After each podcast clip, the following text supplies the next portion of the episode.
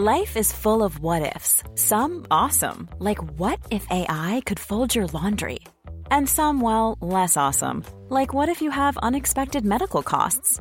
United Healthcare can help get you covered with Health Protector Guard fixed indemnity insurance plans. They supplement your primary plan to help you manage out of pocket costs. No deductibles, no enrollment periods, and especially no more what ifs. Visit uh1.com to find the Health Protector Guard plan for you. Planning for your next trip? Elevate your travel style with Quince. Quince has all the jet setting essentials you'll want for your next getaway, like European linen, premium luggage options, buttery soft Italian leather bags, and so much more. And is all priced at 50 to 80% less than similar brands. Plus, Quince only works with factories that use safe and ethical manufacturing practices. Pack your bags with high-quality essentials you'll be wearing for vacations to come with Quince. Go to quince.com/pack for free shipping and 365-day returns.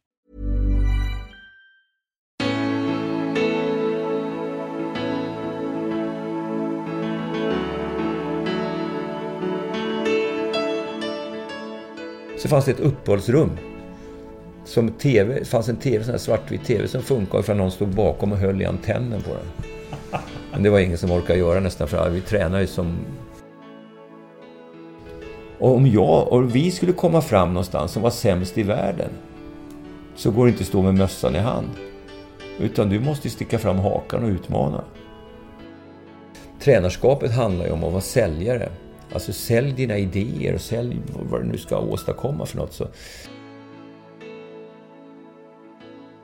Mainstream och PK-kanalen Ja, det har aldrig varit volleybolltränaren Anders Christianssons devis.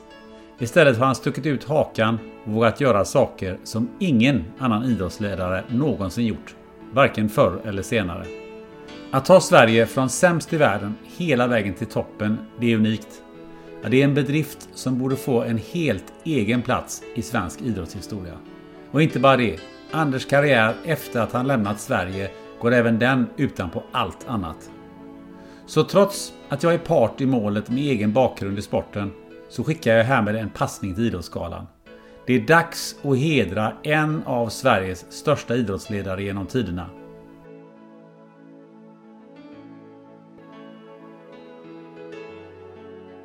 Han är volleybollcoachen som lett Sverige till fem EM-slutspel. Med ett legendariskt silver i Globen för exakt 30 år sedan. Eh, två VM och ett OS-slutspel. Dessutom, och nu får du korrigera mig, 14 SM-guld med Lidingö och 12 med Sollentuna. Kan det stämma? Ja, fast tvärtom. Fast tvärtom, okej. Okay. Men många guld är det. Eh, och som klubblagstränare i, Belgien, Italien, Grekland så har vunnit mängder med mästerskap och kupper och ett antal gånger lett sina klubbar hela vägen till Champions League-final, eller finaler. De senaste sex åren har han som första icke-japan lett ett lag i den japanska ligan. Inte bara lett utan också vunnit både ligan och kuppen. Och som inte det vore nog. 2017 blev han den första och enda svensken som är invald i volleybollens Hall of Fame. Anders Kristiansson, välkommen till podden Spännande möte. Ja, tack så mycket. Det var en lång presentation. Ja, jo, jag har kvar en notering eh, från, från mina första anteckningar. När jag började jobba med den här intervjun så står det så jag har skrivit exakt så här. Hur fasen presenterar man honom? Ja. det blir en lång lista. Eh, och jag, jag såg den här eh, intervjun när du valdes in i Hall of Fame. Det var ju en extremt lång och detaljerad meritlista som han läste upp som intervjuade dig där. Och du, ja. du, du skruvar lite på det där. ja, man, när man reflekterar bakåt ibland undrar man ju hur det går till, hur, hur tiden har funnits liksom. Men, som sagt, jag hållit på länge också men de här SM-gulden som du pratade om till exempel i Sverige, de gjordes ju ofta dubbelt så...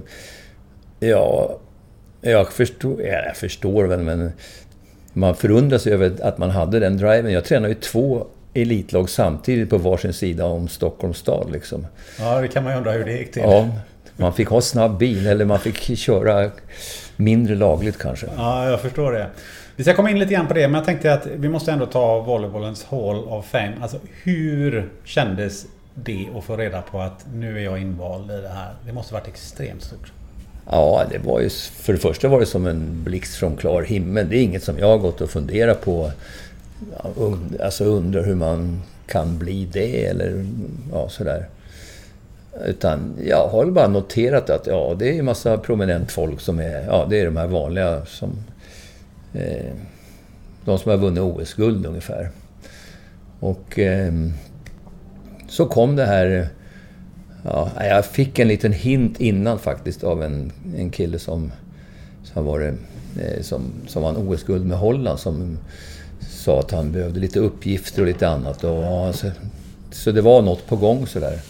Men sen när det kom och, och eh, jag fick det här meddelandet så var det, ja, det var en väldig överraskning. Alltså, det var, det var jag inte alls beredd på men det är klart man blir ju...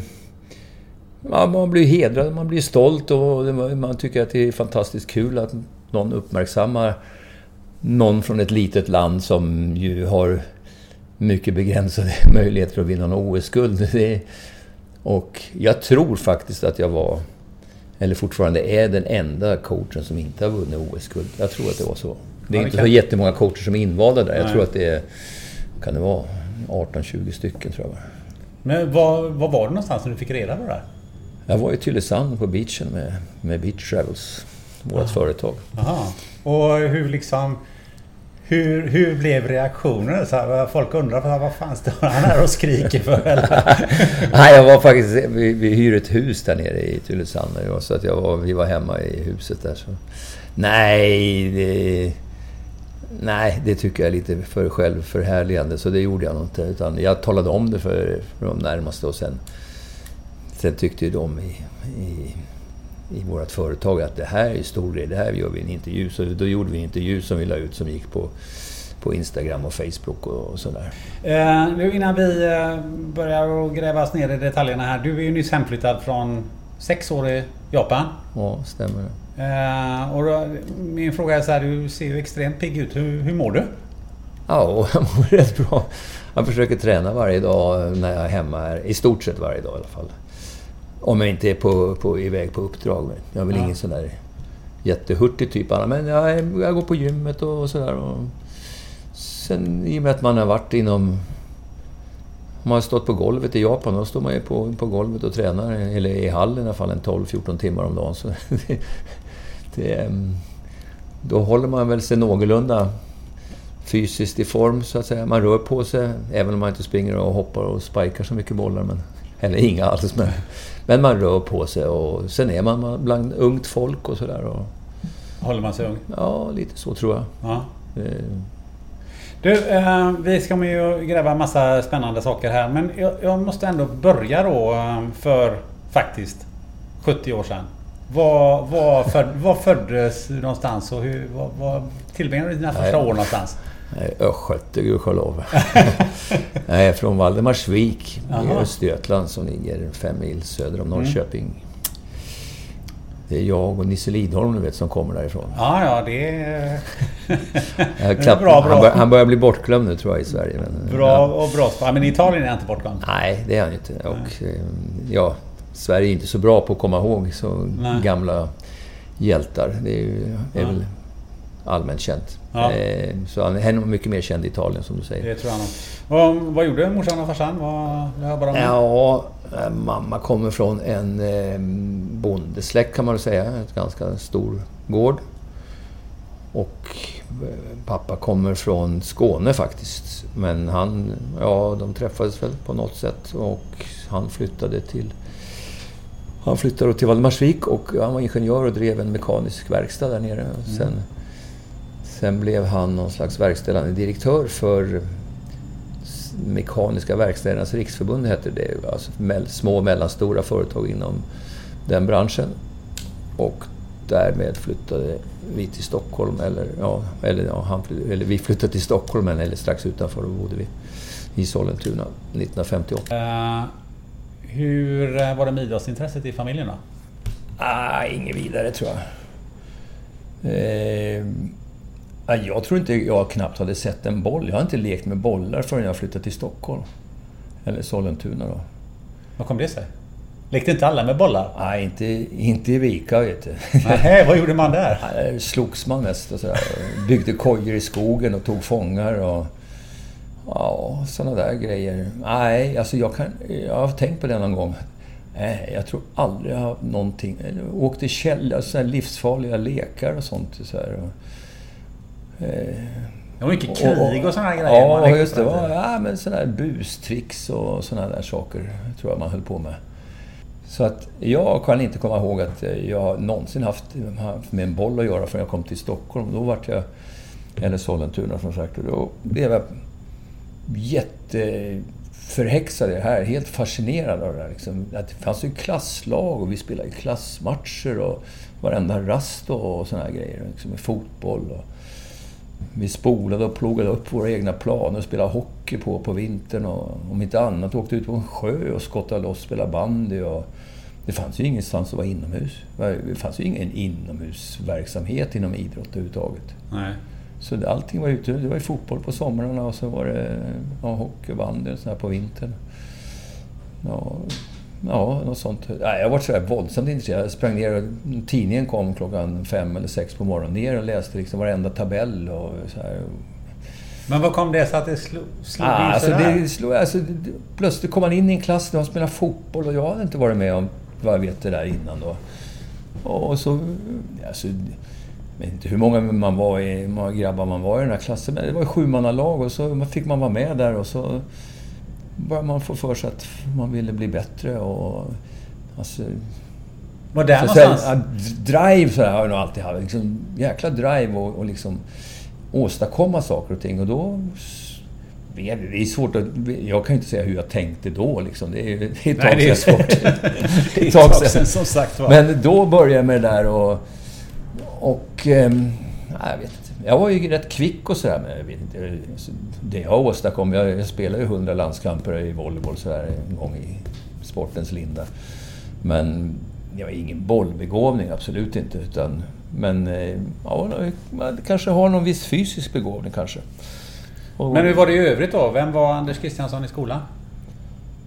Ja, vi hade väl hyfsat, hyfsat lätt för mig. Så, här, så att, eh, men jag var ingen plugghäst så, men man såg väl till att man ja, var skaplig. Man var väl bland de bättre 20 procent eller något sånt där. Jag vet inte. Det var... Men var det liksom, satt du eh, längst bak eller var det liksom den som klev fram i klassrummet och eh, hade taktpinnen eller vad, liksom, vad var din roll där?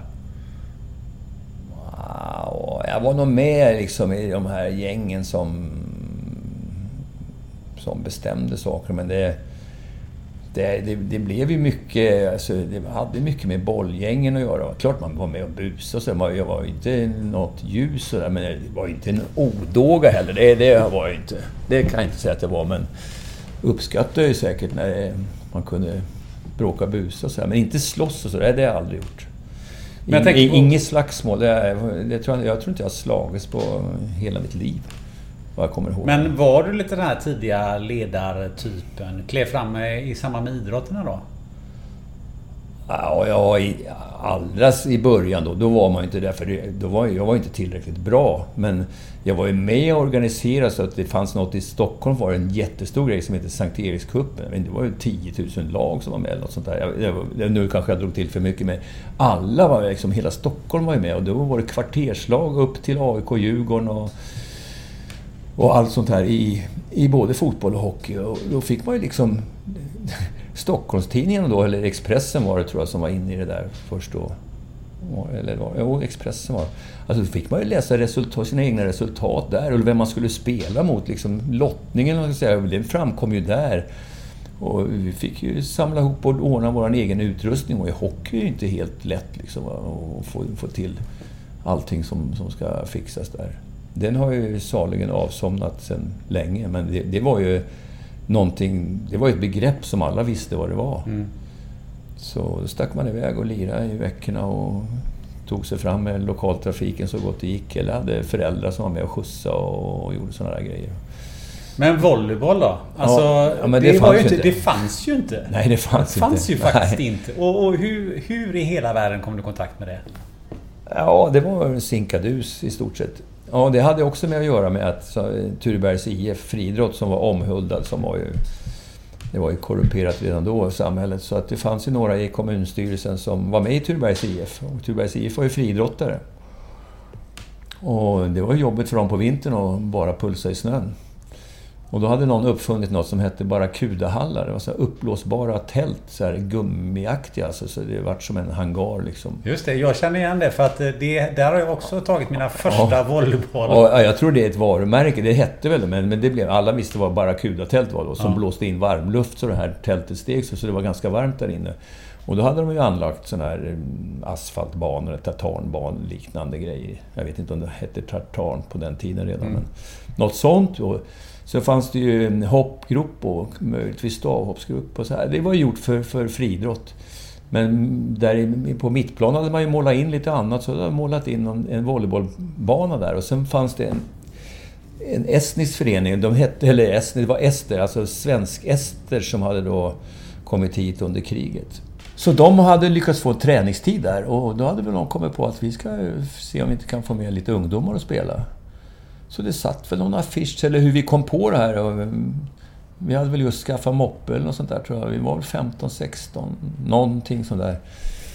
Åh fan, om man, där, om man kommer in... Man, vi låtsas att vi är med och spelar volleyboll. Vi är med och spelar volleyboll för då kan vi hålla på och dyka och busa i höjdhoppsgropen och eh, kasta oss runt och göra sådana där grejer. Alltså pojkstrecksgrejerna ja, ja. så här. Så att jag, jag, tror att det var... Om, man, om vi är med där, då kommer vi in. Liksom. Det var liksom biljetten för att säga ja, jag är med på volleybollträningen. Sen efter då... Var det en gång i veckan kanske? Ja, det vågar jag inte säga om det var en eller två gånger i veckan. Men efter, säg, några veckor då.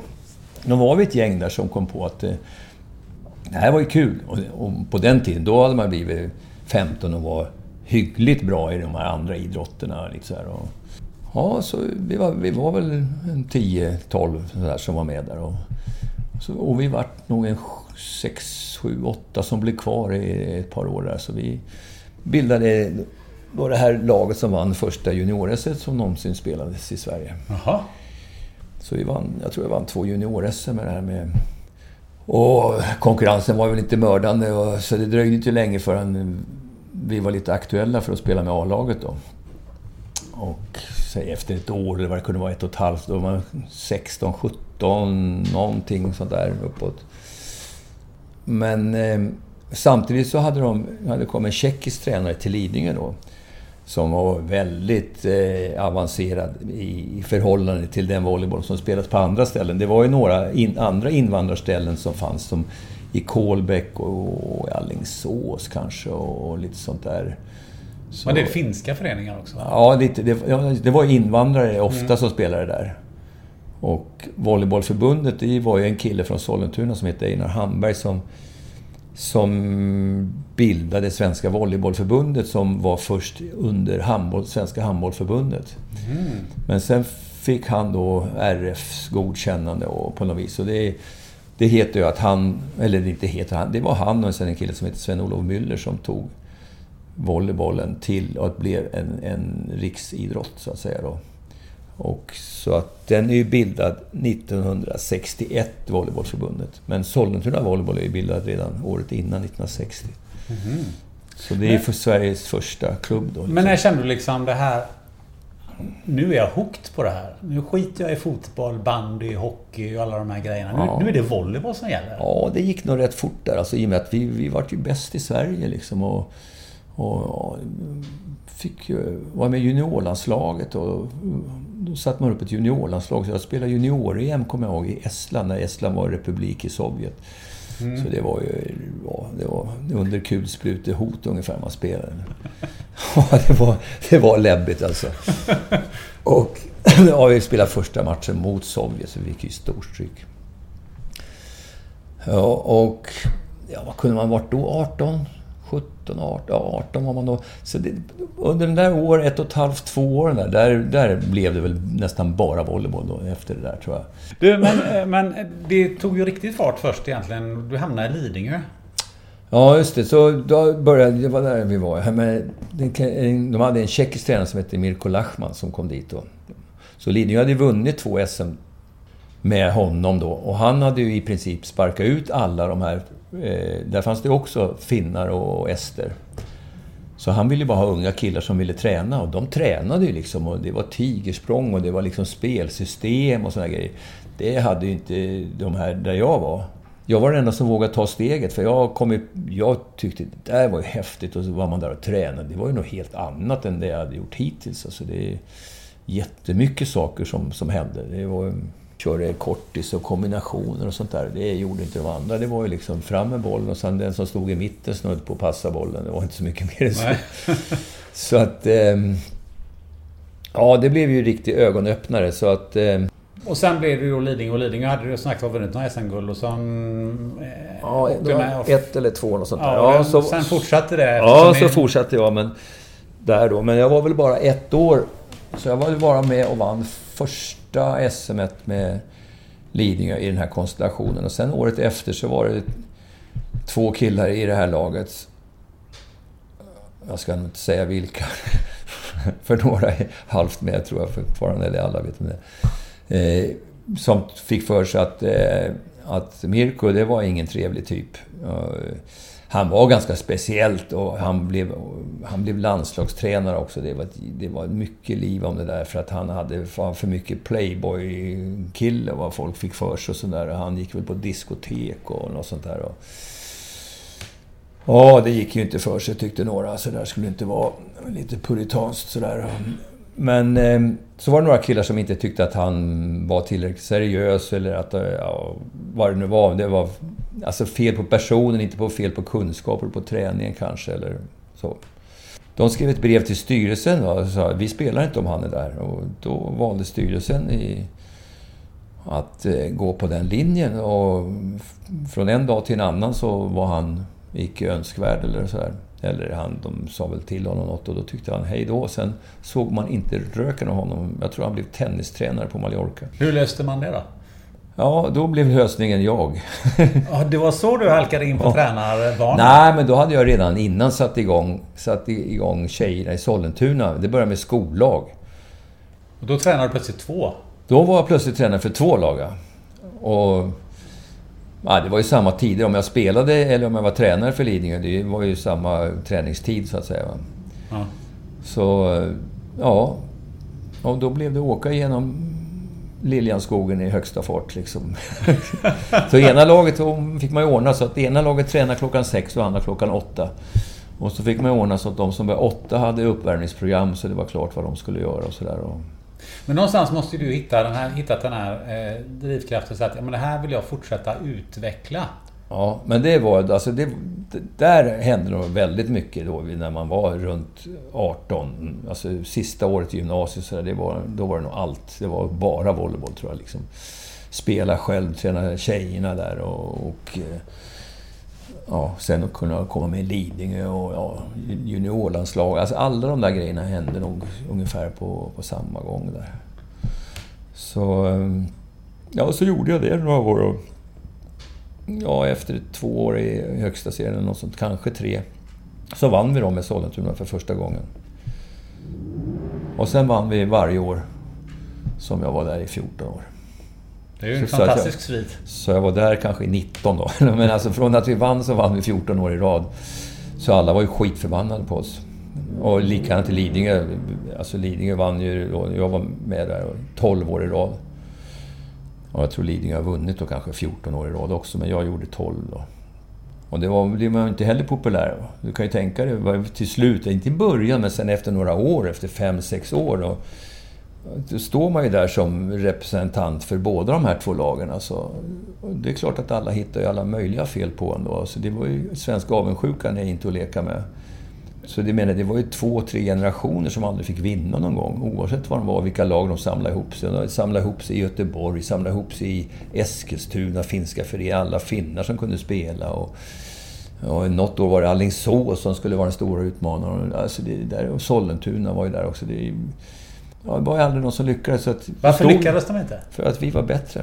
Ja, jo, jo. Det, det är den enkla förklaringen. Ja, men alltså... Jag var ju tränare. Jag var den första riktiga tränaren skulle jag tänka mig i Sverige. Fast nu om man tittar tillbaka så var det ju ganska dåligt. Men eh, jag var ju bättre än alla de andra skulle jag tro. Ja, ja, det räcker och, och jag var ju Alltså jag var ju om mig och kring mig. Jag hade ju driven. Jag, vill, jag lämnade ju ingen sten orörd. Jag var inte den som gick till träningen och skakade ut någonting i rockärmen liksom. Utan jag studerade allt jag kunde och vad jag kom åt. Och jag brydde mig. Alltså, och det har väl varit det, ett sånt där utmärkande drag hela tiden. Att jag har gjort mer än vad alla andra har gjort hela tiden. Det var där någon gång du åkte till Japan också va? Ja, men det var lite senare. Det var 76. Eller hur kom du i kontakt med Japan? Ja, men då hade jag kommit med. Då fick jag ju vara med i landslaget också. Då. Jag debuterade mot, i landslaget mot Japan, tror jag. Japan var ju OS-mästare, de var bäst i världen och de stod ju för något helt annat. Alltså det var ju deras akrobatiska volleyboll, alltså det var ju så tekniskt. Det var ju ljusår från där man spelade i Europa och eh, ännu större distans mot det vi spelade. Så att jag vet inte om vi fick någon poäng en gång mot dem. Det var väl, då fick man ju bara poäng i egen serve, så det var ju liksom nästan omöjligt. Så att de, de, de spelade ju bort oss som, som ingenting. Liksom. De var på sån här eh, turné världen runt för att promota volleyboll och Japan. Och, alltså det, det är ju jättestort i Japan. De har ju en jättelång tradition av eh, nio meters, eller nio manna volleyboll. Och sen så när det blev olympisk sport, eller lite innan det, hade man då gått över och spelat den här sexmannavolleyn. Så man spelar med nio man nu bara? Ja. Aha. Det gör man fortfarande, något som heter Mamma San. Det gör man fortfarande, fast det, det gör man nu på amatörbasis. Så att mm. Det gör framförallt... Eh, ja, det är mest tjejer som spelar så. Jag har knappt sett killar som spelar nio man. Är det samma planstorlek eller? Nej, lite större. De är fantastiska att spela där. Men eh, alltså i Japan, det är, det är ungefär alla kan spela det. Det är, det är som att alla kan spela fotboll här på något vis. Och alla kan, har, om någon säger spela volleyboll så vet alla liksom vad det är och visar Jaha, du spelar volleyboll. Så visar de ett slag, baggerslag eller spike och sådär. Om man säger det i Sverige fortfarande, då gör ju folk så här, liksom en korg med fingrarna uppåt. Det är ju liksom så de har spelat i skolan, va? eftersom det inte finns någon som kan instruera fortfarande ja. i skolan. Men så de var på ju sån här PR-turné kan man säga av något slag och åkte runt. Och så de hade en kille, en tränare med sig som var, han kunde prata bra engelska. Så då höll det, det var samtidigt lite tränarseminarium som man var med och spelade mot dem. Och så hängde jag väl med på den här utbildning som var då. Så, de, så fick jag lite kontakt med dem där via och de visste vem jag var då. Herr Toyoda, som han hette, och Mats Odaira som var den berömda tränaren. Och... Och ehm, Ja, så höll vi på lite där och eh, några år senare så hade jag hunnit bli landslagstränare för, för damerna då. Och... Ehm, alltså jag var ju inne på det där och sen... Ja, då hade något försäkringsbolag... De hade något så här stipendium man kunde söka. Och jag sökte då att få ett stipendium för att åka till Japan och, och lära mig volleyboll liksom. Och studera det. Och sen åkte vi på den här famösa resan till Kina med landslagen. Mm. Som var vi var ju första, första förutom någon bordtennisspelare tror jag som hade kommit in. Men vi var egentligen de första som blev insläppta över muren. Alltså, När var det? Eh, 76. 76? Ja, okay. ingen fick komma in i Kina. Det var ju stängt land. Ja. Så vi var de första och åkte då. Det var ju alltså, det var fantastiskt. Det var folk... Vi kunde knappt gå ut för det kom ju liksom 10 000 kineser runt om. Och liksom, det var bara ett svart myller framme. Vi var ju som apor och de bara tittade på oss. Vad är det här för något? De hade ju ingen information om att det fanns några västerlänningar, alltså sådana här blekansikten som vi. Och två meter långa gubbar och sådär. Några sådana hade vi väl kanske redan i alla fall. Så vi åkte dit och då visste de inte... Vi skulle åka buss från flygplatsen eller mellan städerna, eller från hotellet. Och så här. Fast sen skulle ledningen, de skulle åka i fina bilar då liksom. Och där var ju... På den resan, fick alla vara med och betala lite själv för att åka med där. Vare sig man var spelare eller ledare. Så det var ju en hel förbundsstyrelse. På den tiden fanns det ju sektioner i förbundsstyrelsen som hade ord. Alltså, de var ju säkert 10 12 pers. Det kanske var mer, jag kommer det var jättemånga med alltså. Som bara var med som delegation liksom. Och så var det lagen. Och jag var ju spelare i, i, herrlag, eller i landslaget då, men sen var jag samtidigt tränare för damlaget. Så de visste inte om jag skulle åka buss eller om jag skulle åka limousin. Liksom. och och sen när de åkte hem då, när vi åkte hem från Kina, så mellanlandade vi i Japan. Och där hoppade jag då av, och så var jag kvar sommaren i Japan. Och då var det någonting som tände?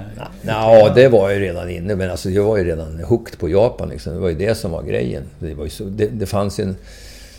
Som jag har berättat några andra tillfällen. Att det fanns ju en sån här, vad heter det, 16 mm film heter det va? Så ja, du vet, med hål i så mm. och cellofanaktigt så, som kuggade fram på en sån här projektor som knattrade. Och den hade vi lyckats införskaffa, eller förbundet, ett, ett exemplar av som man kunde köpa. Det var en promofilm om Japan och hur de tränade och spelade och sådär. Det var ju häftigt. Men det där slits ju ut om man visar för många gånger, så vi fick ju knappt titta på den där. Det var någon enstaka gång. Man kunde inte stanna och köra slow motion och frysa bilden, för då brände man ju hål på den där filmen. Så det, alltså det var inte lätt att få information på den tiden om hur, hur folk spelade och hur man gjorde och sånt där. Så den hade man ju då. Och sen hade de varit här och man hade med stora ögon tittat på vad de gjorde. Så jag åkte dit och då hade jag under tiden här både gjort lumpen och gått på GH. Och, och tränat två lag samtidigt plus lite landslag och grejer. Så, ja, det var ju rätt märkligt. Kunna göra lumpen och träna två lag samtidigt och lyckas... Ja, hur fick du ihop det? Ja, jag vet inte fan. Bra befäl? Stora hål i gallren måste ha varit.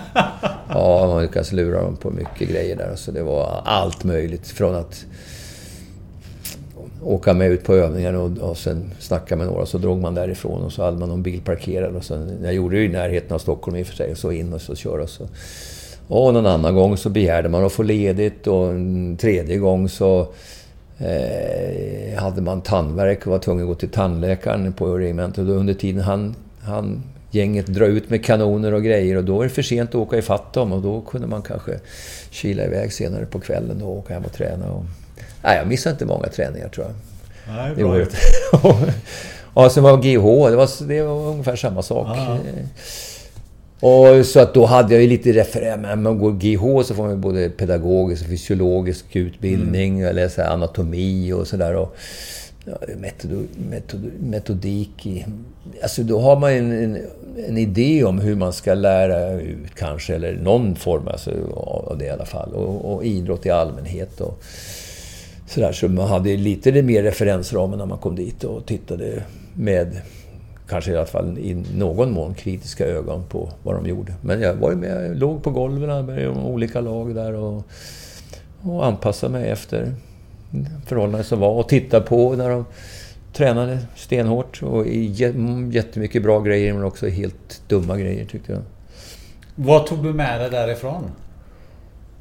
Ja, jag tog, tog, med mig mycket teknik och jag har ju formulerat det i sådana här one-liner ungefär. Att, eh, jag kom tillbaka och sen hade jag bestämt mig att jag skulle göra eh, svenska stora killar lika bra som japanska tjejer.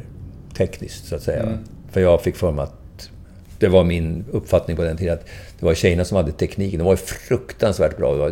Tjejerna hade ju under tiden blivit bättre än vad killarna var, så att säga, rent resultatmässigt i Japan. Så herrarna hade på de här fyra åren tappat lite grann, medan tjejerna hade gått snarare åt andra hållet och var bäst i världen.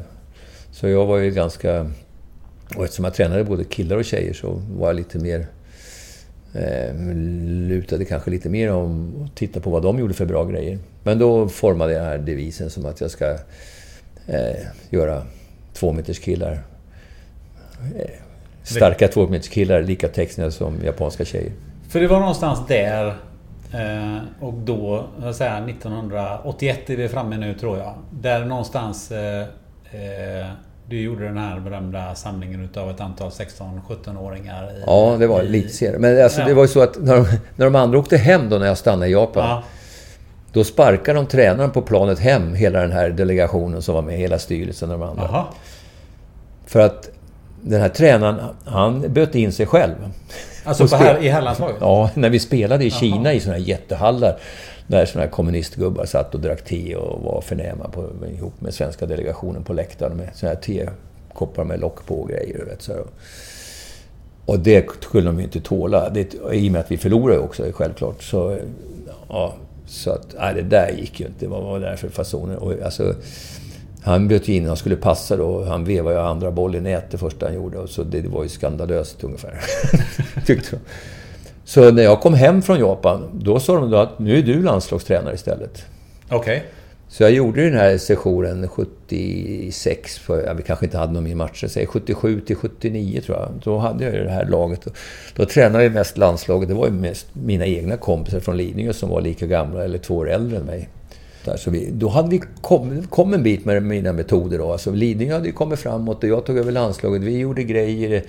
Jag var med på de här lite eh, halvyngre killarna då, i alla fall. Eller ja, de var yngre då, det var de Så vi kom, vi var med och spelade så här Spring Cup i Västeuropeiska mästerskapen. Och vi kunde inte konkurrera med öststatsproffsen. Det var ju liksom, de var ju heltidsanställda av staten, DDR och Bulgarien och Ungern och alltså alla de där var ju jättebra. Men vi kom framåt och sen arrangerade vi ett eget eh, Spring Cup här, tror jag det var, 79 som vi satsade rätt mycket på. Då hade vi gjort jättebra resultat året innan så det var väl lite fundera på att vi skulle kunna till och med vinna eller vara ända fram där. Vi hade kommit ifatt Finland i stort sett och sådär. Det är inte ouppnåeligt i varje fall. Eh, alltså för, innan var det inte en chans liksom när man spelade mot Finland. Så att vi var med. Det var alla, Belgien, Holland, Frankrike. Ta alla de här lagen var ju med. Spring Cup var en jättestor grej en gång i tiden. Och men vi kom inte ända fram. Jag kommer inte ihåg vad vi stupade på till slut. Vi var med en bit upp där, men vi, vi, vi blev väl fyra, femma eller något sånt där. Ja, så jag gjorde den sessionen då. Och när det var slut så då är man kanske framme, ja, 81 någonting. Då fortsätter jag med, eller då tog jag damlandslaget sen. Så jag kvalade faktiskt in damlandslaget till det enda EM som svenska damerna kvalade in till. Det var 12 lag som bara kvalade in på den tiden. Mm. Det var bara 12 nationer som fick vara med. Och då hade du alltså hela östblocket, alltså de var ju de var ju all, alla madammer var ju liksom 1,85-1,90 redan då. Men vi kvalade in till det där. Och, eh, och det gick i DDR, kommer jag ihåg. Det var också tuffa tider. Det är faktiskt en prestation. Det är, och sen idag är det 24 lag och inte kvala in på 24 lag. Ja, det är ju skandalöst. Alltså, Sverige har ju helt andra förutsättningar än vad vi hade då. Men vi tränade alltså, med de metoderna och det jag känner till. Så vi kom en bra bit då också, som sagt. Så långt så att vi till och med kvalade in då 81. Och sen när den... Då hade jag haft damerna säkert i fyra, fem år. Och så det var väl lite grann... Var det klart. Och då tog jag juniorkillarna istället. För om det där skulle bli någonting... Då satte jag igång det här famösa lägret i, i eh, Råslet utanför Jönköping. Hur jag hittade det vet i fasen. Men jag hittade i alla fall... Ha, det var något nybyggt. Det var en sån här miljonprograms eh, Jättemassa massa höghus. Eller alltså, vad det nu kan vara. Sex våningar eller sju eller ja, något sånt där. Massor av lägenheter. Det där stod tomt en hel del i alla fall under den här sommaren. Så att, ja, de där fick vi hyra billigt. Så jag hyrde en massa lägenheter där. Mm. Så gjorde jag upp med kommun. Så fick vi ett par olika hallar att träna i. Och så kallade jag in ungefär två olika generationer av, av juniorspelare. En som var de här som skulle precis åka iväg och kanske spela juniorläger och så var det då två år yngre. Så de var väl en, ja, 25 tjejer och 25 killar någonting. Sådär ungefär skulle jag tro. Det var liksom två grupper killar, två grupper tjejer kommer jag ihåg. Och jag såg någon gång när jag flyttade här för länge sedan så hittade jag de här listorna. Då skickade jag personligen då ut till var och en satt och knackade ner på maskin. Du tar med dig gryta och du tar med dig liksom kastrull, du tar med dig knivar och du tar med det här och du ska ha... Alla hade, måste vara tvungna att ha med sig grejer. Det fanns ingenting i de här lägenheterna. Så allt det där var tvungna, alla var tvungna att ta med sig. Hur jag lyckades organisera det där till allihopa. Och sen hade jag kommit på den här idén att här ska de fasen lära sig att ta hand om sig själva. Det är inget. Så att eh, jag delade in dem där, hur de skulle bo i de här lägenheterna. Och sen så, så gav jag dem en påse pengar, eller påse var mycket att tala om på den tiden. Det var, de fick ju, vad det kunde ha varit, några hundralappar eller vad man kunde vara på den tiden. Som, och det här får ni köpa er liksom dagliga grejer för. Alltså mjölk om ni tycker att det är värt att satsa på det. Någon som vill ha eleganta juicer och grejer. Går ni och köper chips eller vad man nu köpte på den tiden vet jag inte. Ja, då blir det inte mycket över sen när ni kommer fram till fredagen här. Va? Då, och... Um, så att det var självhushållning. Så att de för, försöka förstå vad de borde köpa och sen gick jag väl runt och kollade där lite och sådär. Men alltså det var ju upp till dem. Det är inte mitt fel om ni inte har någonting. Och sen så köpte jag in varje dag istället ett antal kilo fläskkotlett eller något annat, vad det nu kunde vara. Så här, det här var liksom basgrejen, så den fick de då varje dag. Hämta så här mycket för varje lägenhet. Det är lite, nästan lite Expedition Robinson här. Ja, alltså, det är helt otroligt hur jag kunde liksom orkestrera det där själv.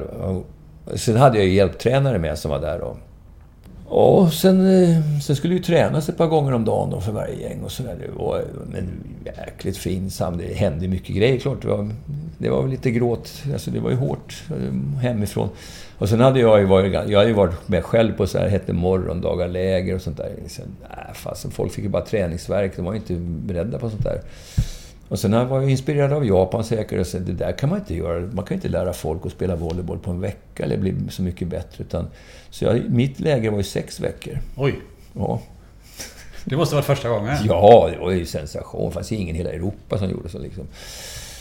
Eller det tror jag inte i alla fall. För, alltså förut så var det ju veckoslut, eller max var morgondag, Det fanns något som hette morgondagarläger. Det var något berömt som folk blev uttagna till. Det tror jag var på fem dagar eller en vecka. Mm, det har jag till och med själv varit med på. Ja, det ser du. Ja. Men nu blev det andra bullar. Ja. Så nu blev det sex veckor tror jag det var. Man fick väl ledigt över midsommar och sen så fick man komma igen och göra två veckor till eller vad det nu var. Så här. Men detta var inspirerat från Japan? Att, ja, att ha ett så långt läge? För liksom... det, det skulle jag tro, men det, vet, alltså, det går inte att översätta. Men man, får ju, man inser att... Jag fattar väl att om, om någon ska bli bra så måste man träna. Det är grundgrejen. Det är fortfarande... Det blir inte bra för att det finns ingen så här quick fix. Att det, någon säger bara något så blir man jättebra.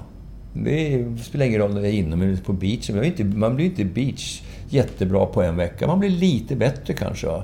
Speciellt om du får en grej som du kan hålla i och fortsätta träna på. Men, eller spelar du tennis så liksom bara för att du spelar 30 minuter och får in några bra forehandslag så måste du ju köra det här varje dag i 30 minuter. Eller 1.30 eller vad det nu kan vara. Man, det går ju åt mycket träning liksom, om det ska bli bra. Men vad hände sen efter det här eh, lägret? Började du koncentrera dig på killarna bara då? Ja, men så då så tog jag juniorerna och och um, då kvalade vi in med juniorerna till EM för första gången också. Någon har kvalat in och det har de inte gjort sen. Jo, en gång sen med samma efter. Men eh, då kvalade vi in 81, så vi var med 82 på EM. Och det gänget, i det gänget var ju då... Det var 63-erna. Alltså födda 63. Så det var Bengan och Lasse Nilsson. Ja, han var 65 i och för sig, men Janne Hedengård och Ja, etc. Den generationen. Ja, alla de. Det var det gänget som var med. De var ju med på Råslätt. De var ju med på det här långa lägret. Och de, var ju, alltså de fick lära sig att träna från början. Och så var vi och kvalade in till junior-EM och sen så... Uh, var 82 tror jag. Och sen på hösten så, så tog jag över herrarna då. Och det kunde jag väl bestämma själv ungefär när jag gjorde Rena Alma, om jag kommer ihåg rätt. Så då tog jag herrarna och då hade jag bestämt mig för att nu skulle jag in med de här nya. Så jag rensade ut det som hade varit innan i stort sett. Inte på, för att vara taskig men alltså jag förstod att ska vi komma vidare så...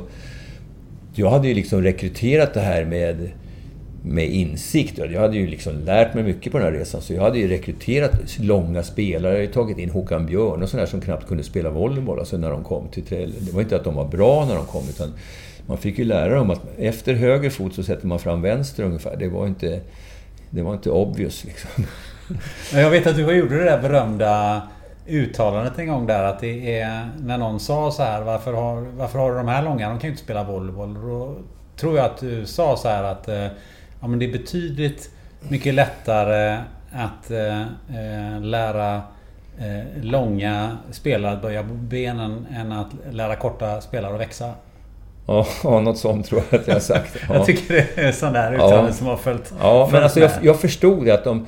Om, det var ju samma som jag sa innan att om man kunde lära de här långa spelarna teknik och bli bra, eller alltså koordination eller vad du vill, så kommer det ge resultat. Och så att jag satsade väldigt tidigt på... Alltså jag har varit inne på teknik långt innan jag fattade hur man skulle göra. Alltså jag trodde jag visste, eller hade inriktning, men jag har alltid varit teknikfixerad. Och sen när jag gick i och fick lära mig lite biomekanik och sådär. Jag gick på biomekanikkurser och hade anatomi i botten. Alltså så man förstår hur kroppen fungerar. Och det är än idag så gnäller jag ju alltid på att tränarna är ju inte utbildade. De kan ju inte fysiologi, de kan inte anatomi, de kan inte biomekanik. Du behöver inte vara professor i det, men du måste ju förstå mekanismerna. Annars vet du inte vad du pratar om när du ska göra... När du ska förklara en teknik. Varför är det här bra?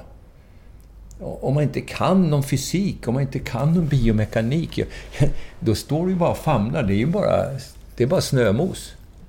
Och de flesta kan ju inte det. Det är knappast någon. Alltså, jag, jag träffar på jättefå. Och därför tror jag att det här är en underutvecklad profession. Alltså du alltså, pratar är, om sport i allmänhet? Ja, i allmänhet. Men det, alltså, i volleyboll, det som jag ser hela tiden, man märker ju ifall man lär sig. Och så kommer spelare som man frågar, ja men vad, har, vad, vad sa de där och vad sa han till dig, den här tränaren? Och, nej, ingenting. Eller också liksom en jättegalen förklaring eller något sånt där. Och ofta är det så här, jag skulle göra så här, varför? Nej, det vet jag inte. Det var ingen som frågade varför. På något vis. Och jag... Alltså ska jag vara riktigt kritisk så har jag nog bara träffat en fem, sex, sju stycken i, på hela min tid. Även internationellt, som fattar vad det är som de håller på med. Sen kan man göra resultat ändå. Men jag tycker att det är ett tillkortakommande. Man skulle kunna vara mycket bättre. Men hur tror du, om vi bara tar en utblick från volleybollen. Tror du att det finns i många andra sporter är likadant? Ja. Har du en uppfattning om det? Ja, det tror jag. Absolut. Jag tror att de är, det finns väldigt mycket mer att utveckla individuellt. Alltså det är ju klassiskt sen tidigare att, att fotboll, det var ju jättedålig träning. Nu tror jag att de är mycket, mycket bättre. Men det, jag tror att det kan vara fortfarande ännu mycket bättre än det Ishockey? Det, ja, alltså det, det, är jättelätt att träna taktik. Alla tränar taktik. Du ska stå där, du ska göra det, spring där, så här. Men och träna upp den individuella kapaciteten, det saknas ju. Det märker man när man håller på med beachen till exempel. Då kommer ju folk, då, nästan alla som är på beachen, alltså de som tävlar, inte, nu håller vi på med allmänhetens åkning också, men de, de duktiga som är med, då, då hör man, alltså det, de blir plötsligen jättebesvikna på det de har gjort innan för att de tycker att deras inomhustränare var så dåliga. Men det ligger i sakens natur. På beachen så måste du jobba bara med individen för det är, det är så lite lagidrott. Det är, två, det är individerna som ska vara bra. Och det är inte så mycket taktik det som händer på beachvolley. Det är, det är, om man får vara fräck så ska man säga att det är ganska simpelt. Liksom.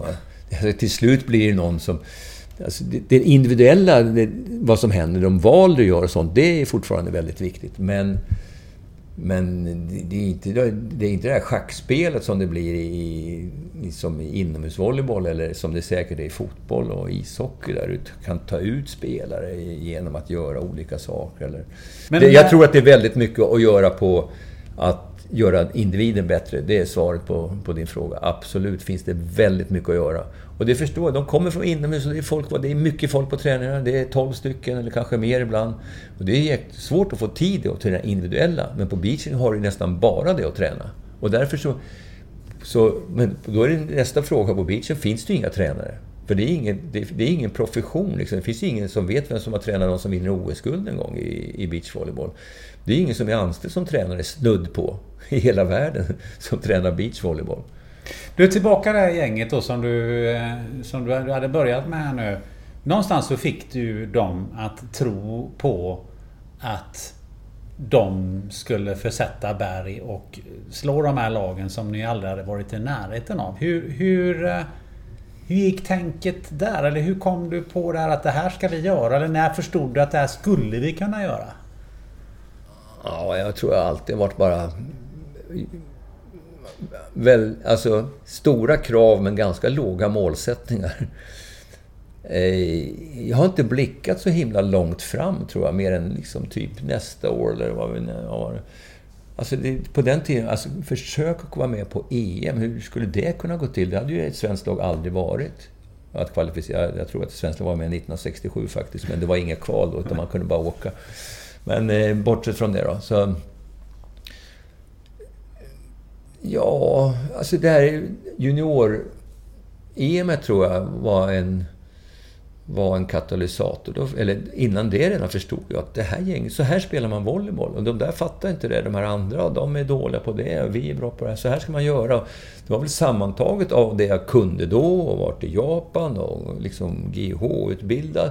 Hade varit tränare för Lidingö och Sollentuna i i, ja, inte vet jag, fem, sex, sju år så här, kanske mer. Så jag hade ju er, hade erfarenhet fast jag var, jag var, jag var ju alltid yngst av alla tränare jämt. Men jag, jag, jag, tror jag hade mer kött på benen än vad många av de andra hade. Jag hade ju tänkt efter. Och sen så... Ja, jag var viljestark och sen hade jag nog svar på många frågor då till spelarna varför man gjorde det, kan jag tänka mig. Borde jag haft i alla fall, eller det känns så. Och... Eh, men, men, de trodde ju på det jag sa, för de, vad, vad, vad, ska man säga? Vad, vad är alternativet? Och, och jag, inte bara att de trodde, jag tror att jag hade bra svar. Det måste jag ju tycka att jag hade. Man måste ju paketera saker och ting och sälja saker. Det är ju, hela tränarskapet handlar ju om att vara säljare. Alltså sälj dina idéer och sälj vad du nu ska åstadkomma för något. Så om man inte kan få folk att köpa det du vill att de ska göra. Att, så att de verkligen tror på det, verkligen med sig själva. Så, det här är ju enda vägen ungefär. Så det måste vara så lite halvreligiös upplevelse liksom. That's the way. Då kör man ju fullt ut för att det är det här som gäller. Här är någon som hjälper mig att göra det bästa vi kan komma på att göra och då... Du var en ja, bra säljare helt enkelt? Ja, det tror jag. Och sen måste du alltså... Ni hade ju väldigt små medel. Ja, men då var vi, på... men vi gjorde, ja, vi hade små medel. Det var ju också... Det gjorde jag en devis av att... Göra mer av mindre, hette det. Långt mm. innan Morris Less var allmängods. Mm. Men hur gick det Göra till? mer av mindre. Ja, men det var ju det här som... Alltså, vi har inte råd med massa extravaganser. Vi har inte råd att ligga på något hotell, utan vi, vi vill åka och spela, vi vill träna. Vi var på Åsens gård och låg då på de här madrasserna, fem centimeter tjocka eller vad det kunde vara, med en halv meters mellanrum. Det, det tog upp hela vinden på Åsens gård. Där låg det 14 man. I Vingåker? Ja, alltså bredvid på golvet bara. Det fanns ingen annan plats. Det fanns ingen, ingenstans att sitta på. Det var bara madrassen på golvet. Så fanns det ett uppehållsrum. Som TV, det fanns en TV, sån här svartvit TV som funkade ifall någon stod bakom och höll i antennen på den. Men det var ingen som orkade göra nästan, för vi tränade ju som galningar. Liksom, så var vi bara ligga ner och vila ungefär. Och sen, och sen käkade vi på mjölkbaren där i Vingåker. Hade ordnat så vi, vi fick mat liksom. Men... Eh, nej, det var bara träning som gällde. Och där var det, fanns inget annat än det som jag visste var bäst. Så skulle det göras till det var bra liksom. Det, var, det vart ju efter ett tag lite sån här intern joke över det hela om, om vi skulle vara med i Guinness rekordbok ungefär. Så det fanns nog ingen som körde så långa träningar som vi gjorde. Hur långa var de? Nej, det vet jag inte. Det varierar med vem du pratar med. Det var någon som kom med någon siffra någon gång till mig och sa att nej, det där tror jag är en skröna. Så, så där mycket höll vi nog inte på. Det var någon som sa att vi körde nästan fyra timmar eller vad det var. Och så där, vet inte. Men alltså tre timmar och plus det, det var ju säkert vardagsmat att vi gjorde i rad. Och sen några gånger om dagen. Så att, eh. Men det är fantastiskt. Och sen så, eh, om vi hoppar lite så, så kvalade vi in till OS eh, och var med i Seoul 88 ja. då. Men 87 ska du inte hoppa över, för det, var en, det tror jag var det stora året. Då var vi nog som bäst nästan. Som 87? Ja. Var inte 89 som ni var? Nej.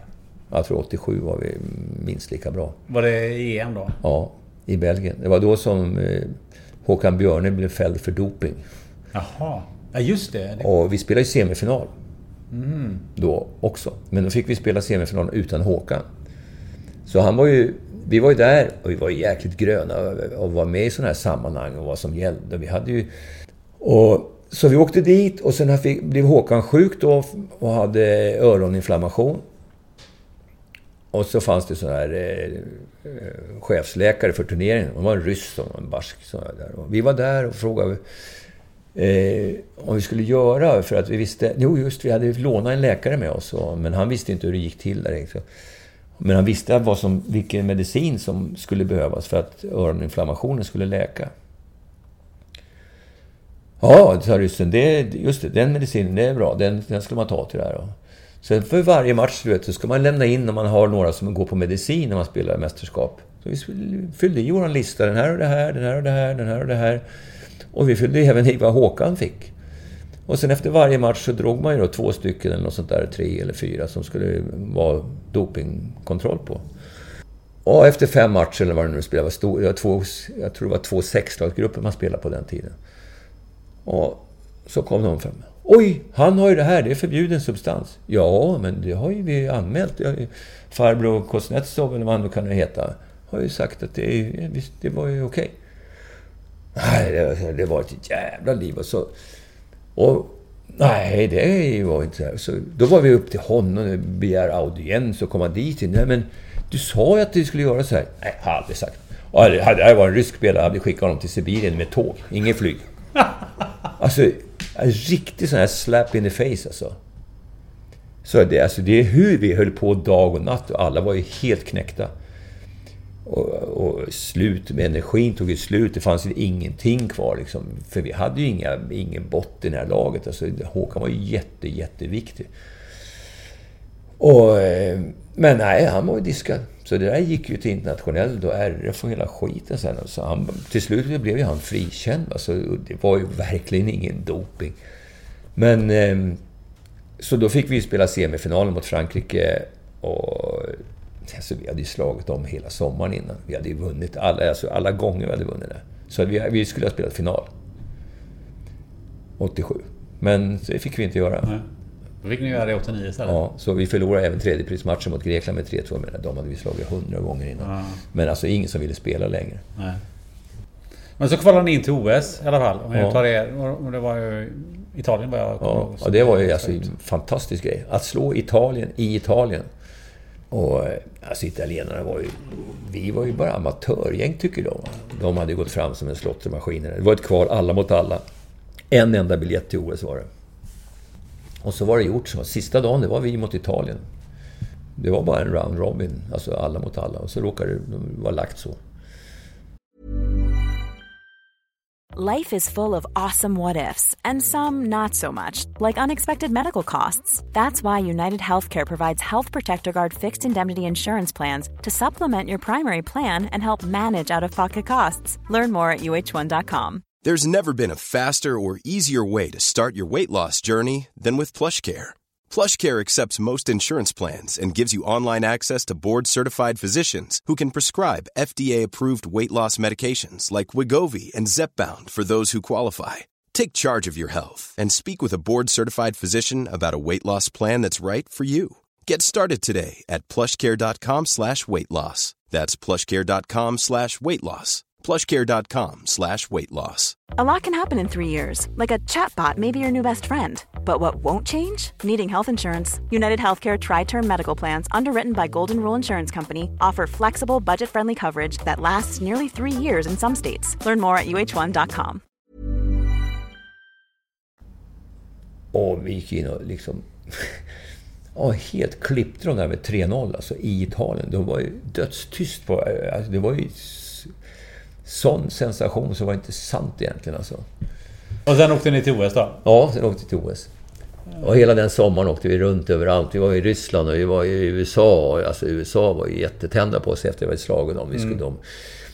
Men de hade ju redan, på den tiden, hade ju börjat med computers och grejer. Och det hade ju inte vi, och sådana där grejer. Så de scoutade oss. Så de köpte ju över oss för att bara scouta oss, tror jag, där. De insåg att vi skulle vara ett hot. Mm.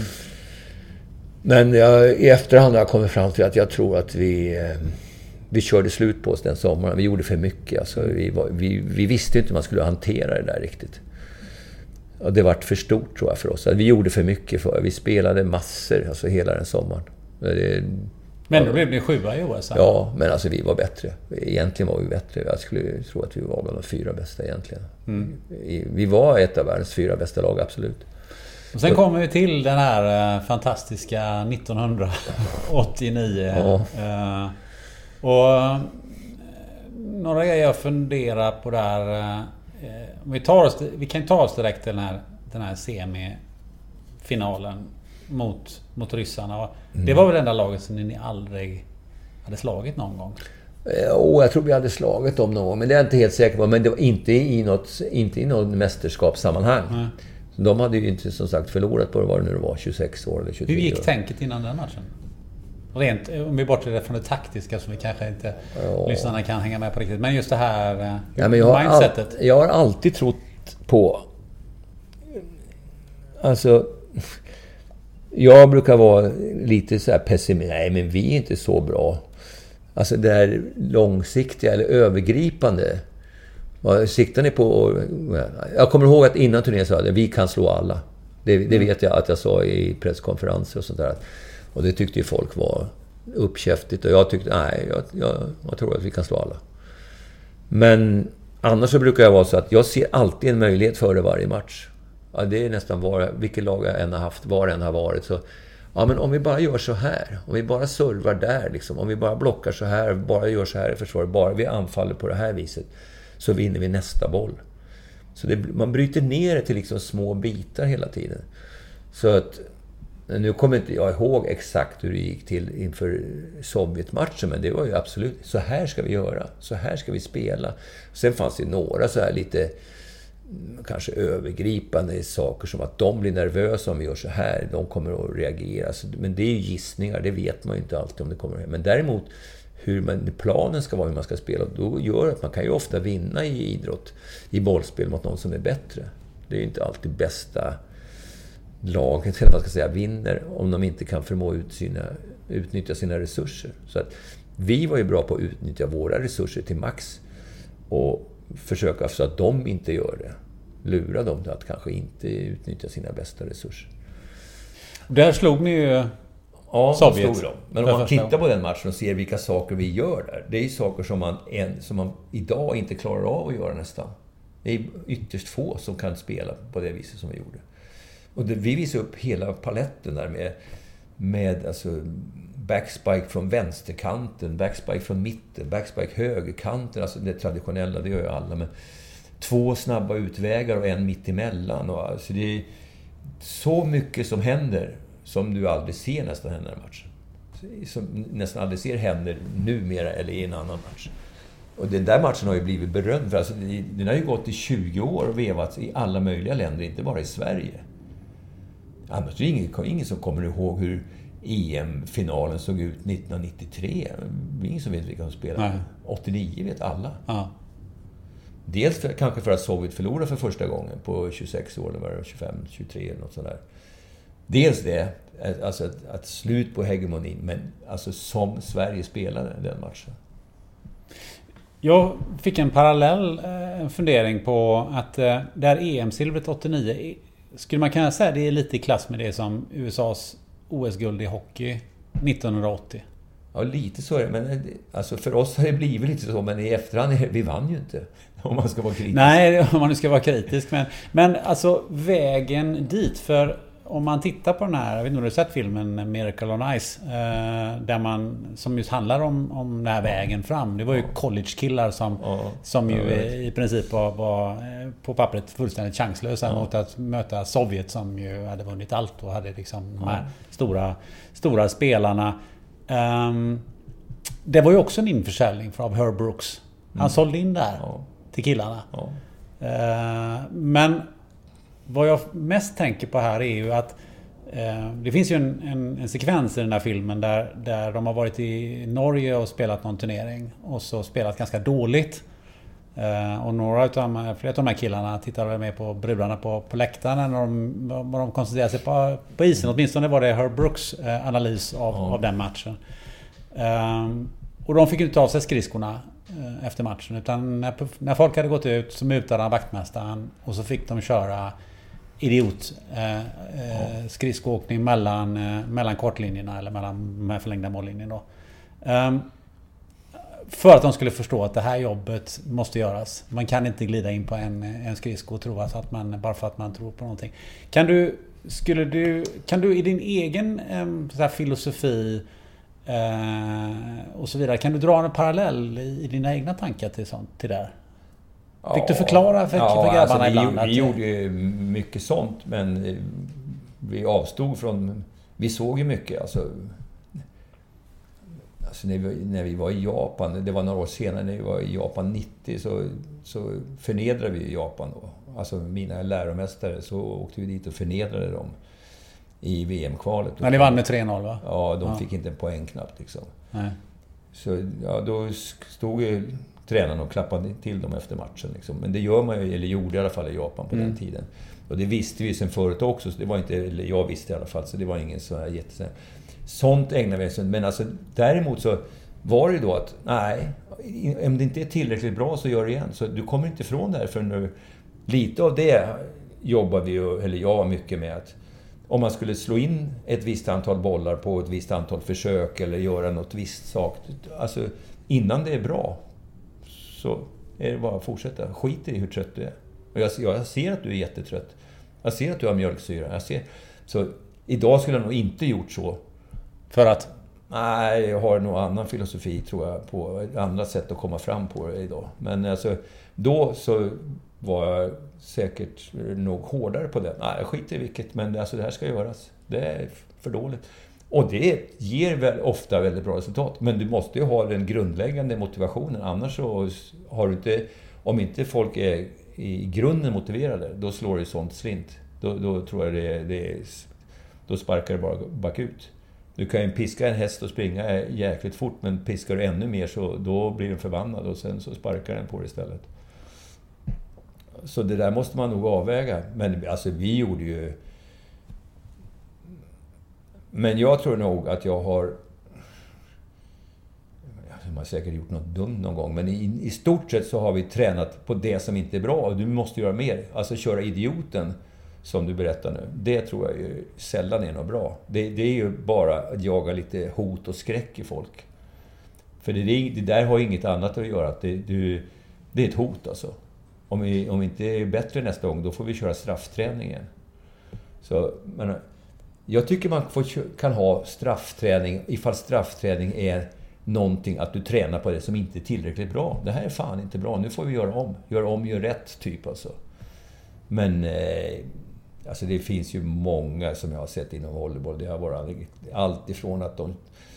Ja, ta av dig en, en klädpalt för varje gång du gör fel här, tills de spelar nakna. Jag vet ju alltså amerikanska lag som spelar helt nakna tjejer som bara... Det är bara kört. Det är slut. Det är, alltså det blir någon slags förnedringsgrej, men det är hot för de vill ju inte göra det. De vill inte spela, hoppa barfota, de vill inte slänga sig nakna på golvet eller vad det nu är. Men Ja, alltså det, de körde när... Eh, jag hade möjlighet, alltså, om, om A-laget på ett B-lag, ni måste vinna eller vinna. Så här, om ni förlorar eller förlorar med, vinner med bara så här mycket, då får ni gå hem. Ja, då fick de gå hem. Alltså, och sånt där är ju... Liksom, idrotten är ju fullt av sånt. Och jag är väl lite tveksam till om det håller. Men alltså, det skapar ju hårdhet. Det gör det absolut. Hårdhet och vilja, men som sagt, det gäller att basmotivationen är stor. Annars så tror jag det skapar kanske mer osäkerhet. Man får inte tveka i de här ögonblicken som man ska eh, göra de bästa grejerna. Alltså, tänk om jag misslyckas, tänk om jag måste köra extra. Det, det är en ganska dålig tanke att ha. Ja, det blir väldigt negativt. Ja. Men det... bara klappa i rumpan och allting är jättebra, när det inte är det. Det är jag ju mycket motståndare till. Mm. Och det är ju rätt mycket förhärskande idag. Alltså det är jättekänsligt, ingen folk... Men det beror ju på vilken miljö man utbildar i, vad man, man vad man gör av sin modell. Liksom? Men man kan inte komma till, till okänt folk och liksom tala om att det här är bara skit. Nu får du, nu får du springa, får du gå hem liksom.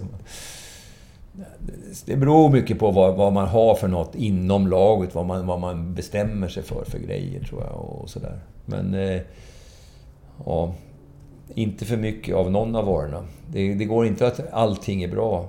Det här svenska som är nu efter varenda match ska folk säga Vad tar du med dig från den här matchen? Och så ska alla ta något bra som de tar med sig från den matchen. Jag hör aldrig någon som tar med sig något dåligt. Det här var fan skit. Det här måste vi bli bättre på.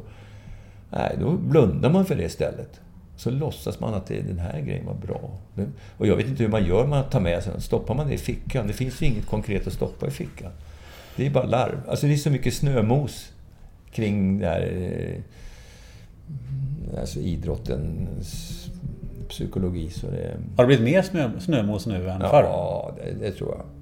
Förr kunde man inte, men nu så är man ju rädd. Rädd för vad då?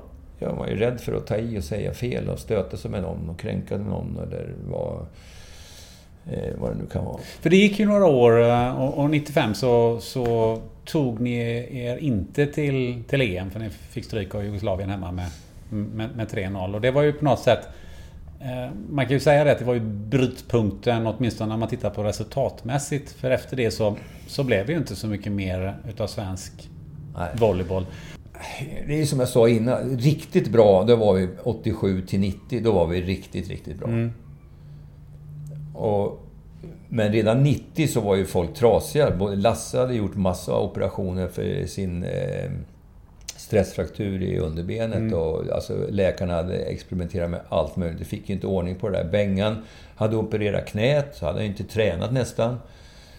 Och vi kvalade in då till, till VM 90 utan Bengan. Vi ville bara låtsas att han skulle komma till alla som frågade hela tiden. När kommer han? När kommer han? Det där var Jugoslavien, det var Japan, det var...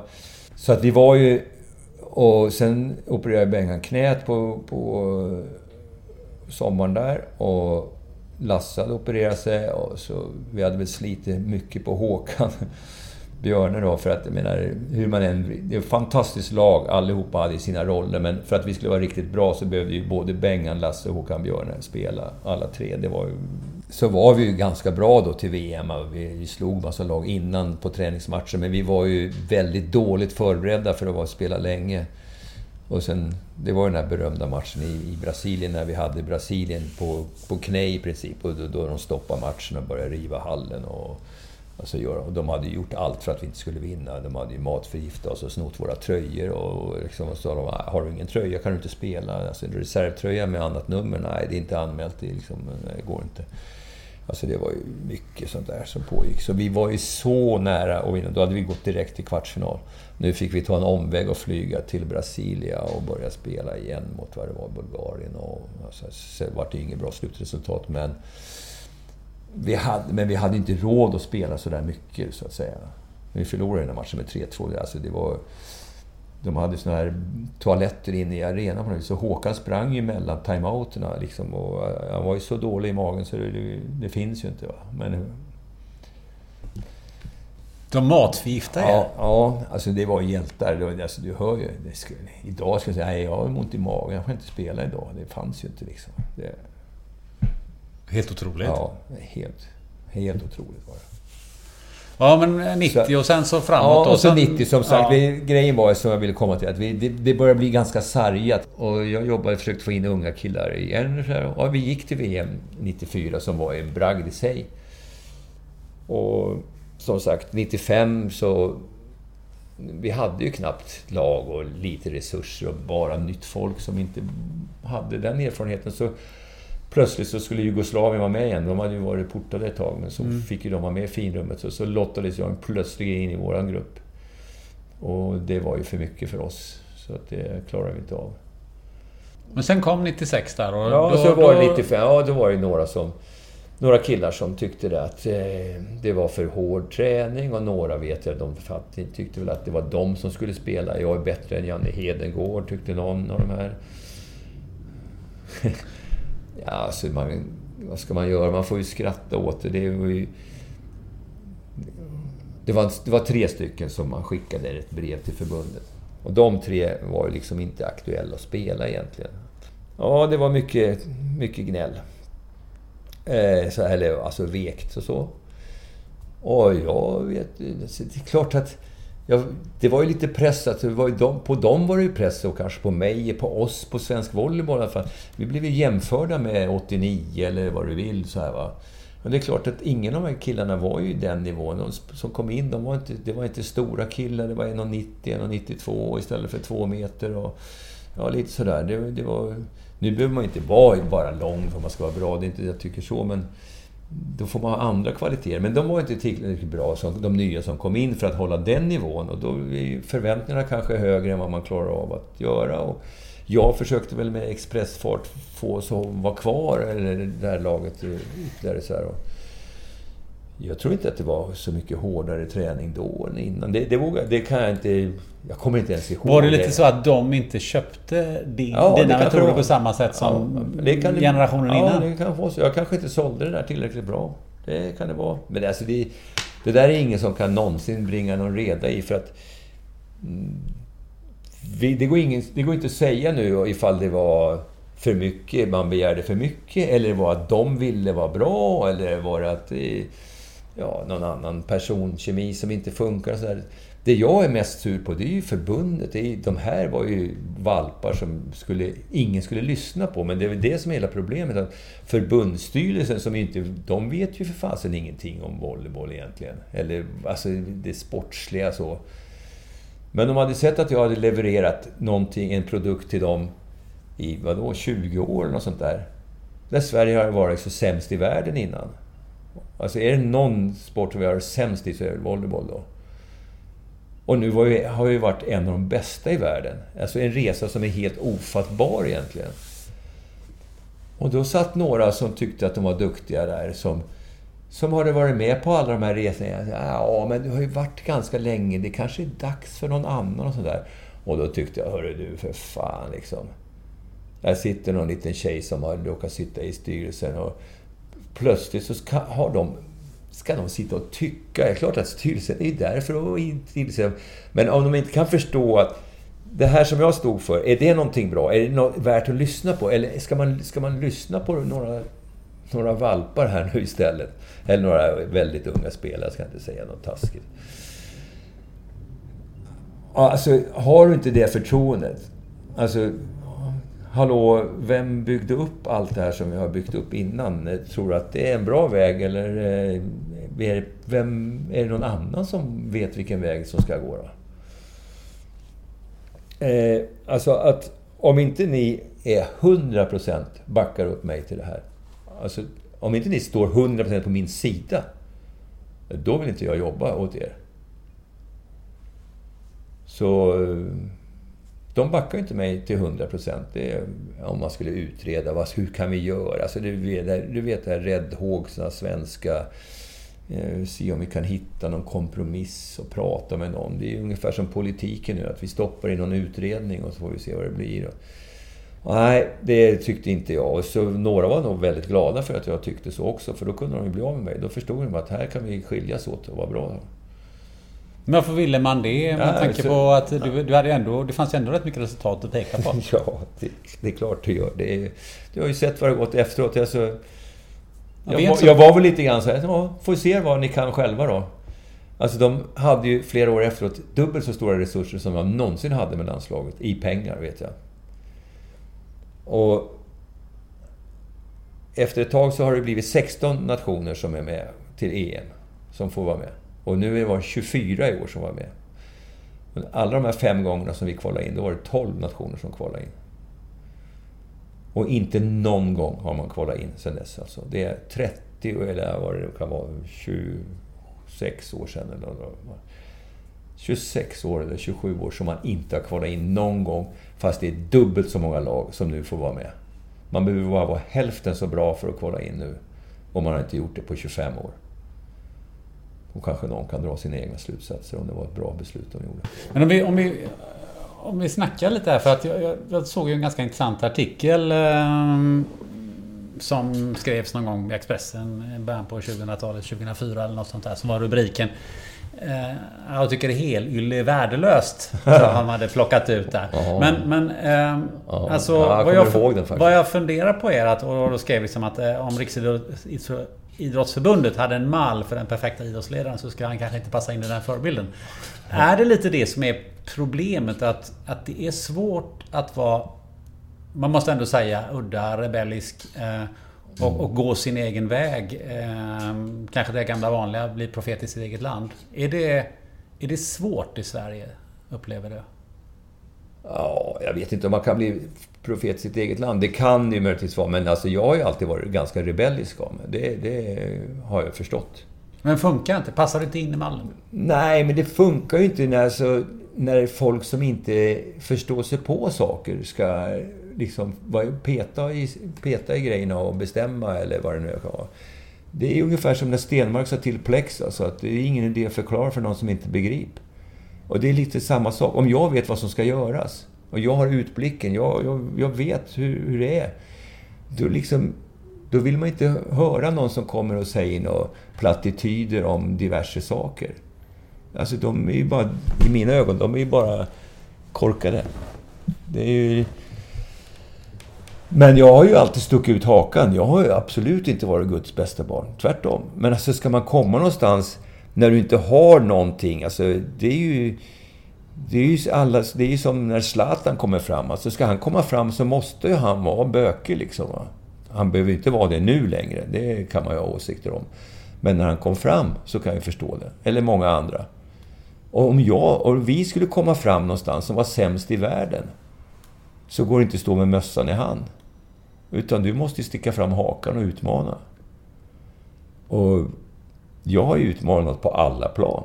Har vi för lite utav Men det var ju också så här, det, var, det kom ju någon fram till att nej, jag satt ju på så många stolar för när de här kritikerna och de här smågrabbarna var. Det säger det är liksom jantelagen, alltså det, du får inte vara det är bra här och du får inte sticka ut kanske. Det är säkert mycket, lite sånt. Om man tänker på att Sverige var ju, hade ju noll i rankingpoäng. Kan man säga. När, du, när ni började. Ehm, och så tog ni er hela den vägen. Det finns ju egentligen inget motstycke i svensk idrottshistoria när man har gjort det. Inte vad jag kan komma på sådär Ja, det på tror jag inte. Det tror jag inte heller. Det tror jag det är absolut inte. Utan att liksom för det här, men nu är vi ju en liten idrott i Sverige, så därför får du inte någon uppmärksamhet. Liksom. Eh, Men jag, det jag är jätteintresserad av det är ju eh, Tillbaka till lite grann där vi började. Alltså Var någonstans skulle du säga, var fick du den här drivkraften ifrån? För du har ju lagt ner oändligt mycket timmar Ja. på det här. Du har liksom, eller har jag fel att säga att du har nästan lagt ner dygnets vakna timmar? I, mång, i, mång, I mångt och mycket. Ja, alltså i... Ja, det får jag ju tillstå. Alltså i större omfattning än vad någon begriper, tror jag. Och vad, vad jag vet någon annan har gjort inom svensk idrott. Ja, jag tror inte det finns så många som har det så tokiga som jag. Var fick du det ifrån? Det vet jag inte. Det, det, det är väl omöjligt att säga. Det, det kan man ju teoretisera om. Alltså, jag har ju... jag har ju läst psykologi också, så att... Alltså det, det, det går ju... Det där går inte att säga pricksäkert. Om det... Inte vet jag. Det... Man vill hävda sig eller vill få... Är det det vinna? Eller är det... Ja, men alltså är jag det tänker nästan utveckla- alltid framåt. Jag är, alltså, jag är ingen så här som firar i dagar för att man vinner någonting. Så här. Det är den dagen man vinner ungefär. Sen är, vad är nästa grej? Så jag, jag brukar vara jättedålig på att komma ihåg vad vi gjorde, vad det var då, vad var taktiken. Jag tycker det är irrelevant. Det är nästa grej. Nuet och morgondagen som har gällt hela tiden. Och hur kan man göra det bättre? Hur kan, det är klart jag vill vinna, det är det det går ut på om man är med i idrott. Alltså, all idrott alla är med för att de ska vinna. Sen, logiskt förstår man att i år kan vi nog inte ta SM-tecken eller vinna VM eller vad det nu är. Det är så är det ju, men egentligen är, går det ut på det, att vinna. Och då har jag varit på något vis beredd att göra vad som krävs istället för att göra andra saker som... Alltså varför göra det näst, näst bästa när det går att göra det bästa ungefär? Men om det bästa är att nu måste jag sitta i tre timmar och, och scouta det här andra laget, eller mitt eget lag eller vad det nu är. Eller gå på fest, eller gå på... Ah, då får jag ta det här och, och scouta mitt eget lag. Går jag inte på fest då, eller åker inte vet jag, badar eller vad, vad du nu vill. Eller skiter i att äta eller något sånt där. Då får jag skippa maten idag, jag har inte tid. Men Det, det, alltså, jag har varit beredd att göra ungefär vad, vad, vad som krävs, vad jag tror som, som gör att det kan bli bättre. För du har sagt någon gång så här att jag har stora ambitioner, men inte för min egen del, utan för de lag jag tränar. Ja, alltså det, det tycker jag att det har varit. Fast jag fattar ju att de har inte gjort det utan mig. Det, det, Nej, det är klart. så... men det känns Så att... timid vill jag inte låtsas vara, för det tycker jag är falskt. Alltså, och, men man vill väl säkert ha något erkännande. Man måste ju få veta att man finns på något vis och hävda sig in det. Alltså det gör ju alla på olika sätt. Och, ja, alla vill ju ha bekräftelse på något vis i det man gör. Alltså, du vill ha bekräftelse av din familj, eller din, dina barn, eller av dina föräldrar, eller av ditt jobb. Alltså allas, alla, alla vill ha någon form av bekräftelse, tror jag, alltid. Men det är ett ramverk, men det är inte bara det ramverket. Så Du måste vara intresserad av den här grejen. Alltså, man kan inte göra den här saken om man inte tycker att den är intressant och, och stimulerande, skoj och, och sådär. Det, det kan man inte göra heller. Man kan inte göra en grej för att bara att jag ska få uppmärksamhet om du inte gillar vad du gör. Så att... Eh, jag har varit beredd att göra vad det så som krävs för laget. Det, det stämmer säkert. Men jag vet inte. Jag ingår väl i laget, hoppas jag. Ja, jo, jo. Nej, men alltså vad jag, vad jag vill komma med det, det att du har sagt det, det är väl liksom att att det finns någonting i drivet nu gissar jag bara att det är det att utveckla människor och Ja. utveckla själva Ja. laget mer än att, att för din egen del fira, fira segrar. Mm. Jo, är det, men bra, det är det en rätt tolkning? Ja, det tycker jag är rätt. Alltså jag är ju, som jag var inne på förut, jag jobbar mycket med att utveckla individen och sen fattar jag också att man måste göra ett lag av det, ha kul ihop och göra grejer och jag hittar på saker som, som gör att det, är, att det är skoj. Men att det skoja får inte vara på bekostnad av det seriösa. Man kan inte spela fotboll på en träning för att det är roligare just då. Nej. Alltså volleybollspelare tränar ju väldigt mycket i förhållande till många andra bollidrotter. Så det är klart att de blir lite less ibland på det. Och då måste man ju försöka göra någonting roligt. Men då gäller det att kanske inte då göra just det. Typ spela fotboll en hel träning bara för att det är roligt. För det blir man ju inte bättre volleybollspelare på. Men alltså, driv, alltså att utveckla folk, alltså och utveckla lag. Eh, det var ju samma, jag kom till Japan, de har ju inte spelat, de har inte varit i semifinal någon gång. Det är inte så många lag, i- det är sju lag, eller åtta lag i Superligan. De har aldrig varit i semifinal, alltså bland de fyra bästa, på 56 år. Så länge de har funnits. Det vart ju liksom... Det tyckte jag skulle vara stimulerande att säga, titta jag kan göra bättre. Och så gjorde vi det och så vann vi till och med. Det Som jag funderar på, det är ju om man gör det här, engagerar sig så mycket. Hur mycket utav så att säga, det så kallade sociala livet eller det runt omkring ha- har du hunnit med under de här åren? Ja, men det blir ganska mycket socialt liv kring de här lagen. Men det blir ju mycket kring dem. Man har inte så mycket tid. Men jag tänker på familj och lite ja, det har man inte tid med så mycket.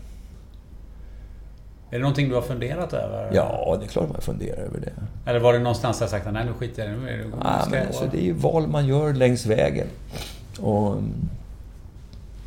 nej, men jag har alltid varit ganska kritisk för mm, alltså, mycket samhällsformer och sätt att vara på, och sätt att vara tillsammans på. Hur då menar du?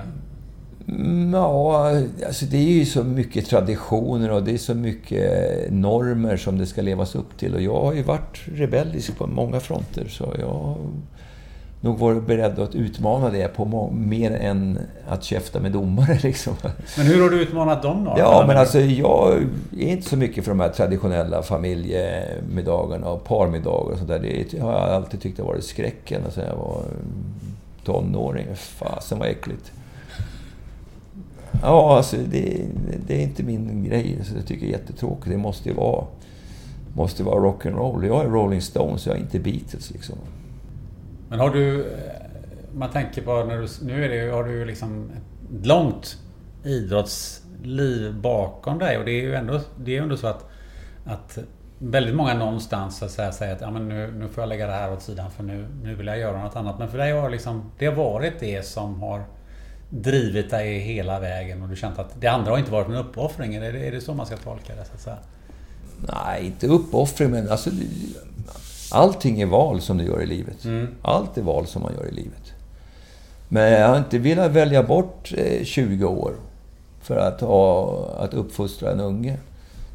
Om man ska ha det och gå in för det för barn, men så det vet jag inte om det är nödvändigt. I Sverige har vi ett sätt nu som är... Det är ju, det är ju väldigt liten kanal som alla måste simma i. Det är liksom den berömda PK-kanalen. Där, så här måste man uppfostra barn. Så här ska man vara. Så här ska man säga. Så här ska man tycka. Så här. Och... Ja, det har inte riktigt varit för mig liksom. Men har du haft barn? Hade det blivit eh, mycket rock'n'roll då? Ja, men då kanske det hade blivit annorlunda. Men det vet ju inte jag hur mycket man kan stå emot om man blir uppfattad som eh, ja, dålig förälder. Alltså det är ju alla, jag har ju sån ångest för att göra fel idag. Och idag uppfostrar man ju barn bara på 25 år. Det är ju liksom jätteskillnad Hur då menar du? i barnuppfostran. Vad, är, vad ser du för Ja, men i allt. I skolan eller i barnen. För att, alltså, barnen är ju det är ju kung idag. Det är ju bara vad barnet vill som är det som gäller. Idag ska vi äta det här. Jaha. Men jag, det- jag har kompisar vars ungar är veganer när de är fyra år gamla. Ja, det är ju anmärkningsvärt. Ja. Men alltså, till exempel, alltså, men förr bestämde ju föräldrarna. Alltså jag är så gammal så då, då sa ju från östgötabönderna sa att hunne och unge sitter i andra rummet. Alltså. Då fick man inte sitta i samma rum när det var middag nästan. För att det var ju störande liksom. De, ungarna västades liksom, hundarna. Det skulle inte vara där. Idag så ska du först placera ungarna vid bordet. Liksom. Jag säger, jag vet inte vilket som är rätt, men jag säger det är ju enorm skillnad på 25 år vad du än vill. Men hur ser du någonting hur det här avtecknar sig även inom idrotten? Ja, det gör det också. Det är ju... Men jag tror att eliten kommer väl alltid fram, men jag tror det är väldigt många som slutar. Alltså alla ska ju vara lika bra idag. Man, nu är jag kanske lite för kritisk, men jag tycker det som jag är kritisk mot är de som är, när det går för mycket åt det här hållet, att vi ska inte ha några mål att skjuta i varje ett tag. Och nu ska man inte ha några serier och räkna resultat, och ungarna räknar ändå vem som är bäst. Liksom. Och, alltså, alla de där grejerna är jag mycket skeptisk till. Alltså. Och, det fungerar ingen annanstans så på jorden i princip. Utan vi är väldigt speciella i det där. Att vi ska... Nej, det är så farligt att konfrontera sig med verkligheten. Alltså att, det är jättefarligt att konfrontera sig med att förlora. Nej, det är liksom ingen som förlorar ungefär. Därför kan man inte räkna någon tabell och knappt räkna vem som vann matchen. Och ingen får vara bra, ingen får vara dålig. Alltså, alla är samma. Och alla är ju inte det. Det vet ju alla innerst inne att nej, men han eller hon är mycket bättre.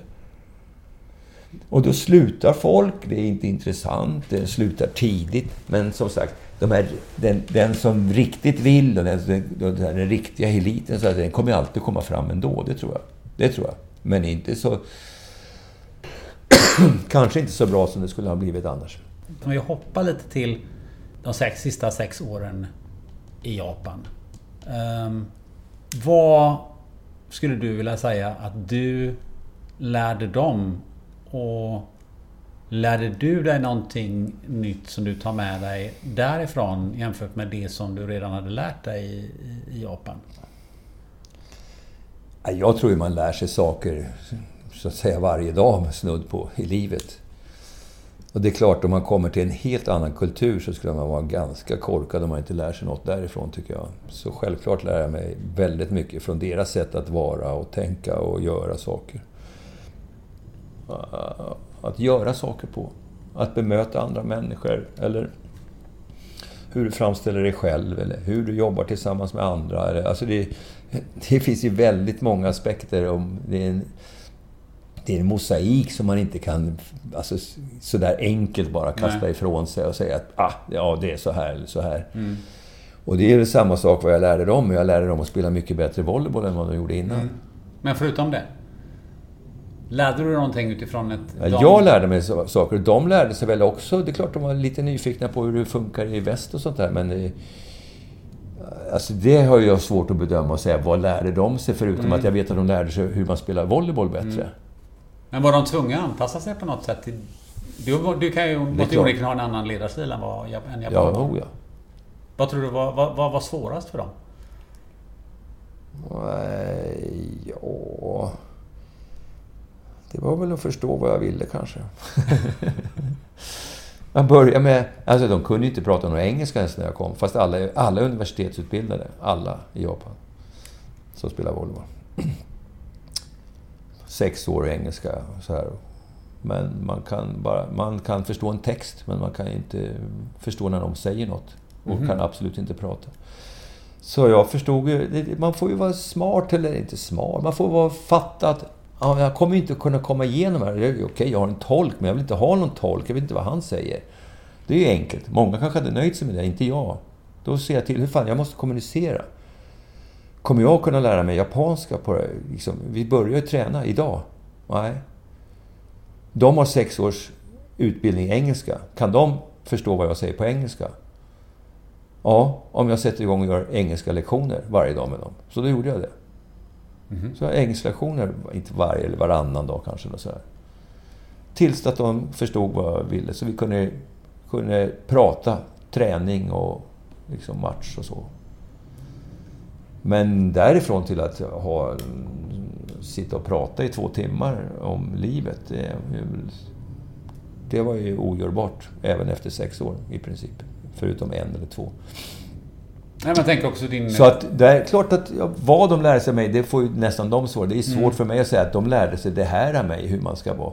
De lärde sig väl att eh, vara mer rebelliska. Och de fattade att Rolling Stones är mycket bättre att lyssna på än eh, något annat. Om de förstår vad de säger. Nej, men alltså att våga stå för någonting och vara någonting sådär. Och, mm, ja, de lärde sig att vara lite mer eh, jag än gömma sig och bara vara en kugge i maskineriet. Tror jag. Och förhoppningsvis förstå varför, de, varför man tränade eller gör, vad som är bra. För, alltså, jag har gjort ofta one-liners, slogans av saker och ting. För det fastnar mycket bättre. Så att jag börjar med att, eller tidigt så, så att... I Japan säger ju alla ja till allting. Det heter haj på japanska. Haj! Haj! Haj! Och ju mer intensivt man säger haj, ju mer är man med på noterna liksom. Så jag förbjöd dem att säga haj. Så jag säger Don't say hi. Ask me why. Det är lätt att komma ihåg. Ja. Så jag ville att de skulle fråga why tog bort stå i led och grejer. All, all, gjorde alla saker för att bryta konventionen. Nej, vi ska inte stå i led och buga. Nej, inget bockande där. Nej, inget sånt där. Ta bort. Inte för att det är viktigt att ta bort, men för att signalera att nej, nu är det något annat som gäller. Det, det, det är liksom inte ytan, det är innehållet som är det viktiga. Så bort med ytan. Stå hur du vill. Slafsigt, hafsigt, hur du vill. Stå inte och, och ge vakt och säg buga och säg god morgon herr tränare och sådär. Utan no.